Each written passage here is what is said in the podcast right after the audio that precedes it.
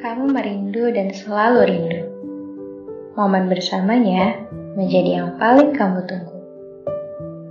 Kamu takut, takut jika ketidakhadirannya di hatimu bertanda dia meninggalkanmu sendiri. Selamat, mungkin kamu sedang jatuh cinta kepada zat yang berhak menerima kadar cinta tertinggi atas hati setiap manusia. Pernahkah kamu melihat seorang perantau? Dengan khidmat, ia membaca surat cinta dari ibunya. Begitulah kamu menghayati pesan-pesan cintanya. Lantas pembicaraan Tuhanmu sampai kepadamu. Hari-hari bersama Al-Quran membuatmu tenang. Dukamu pun berangsur menghilang.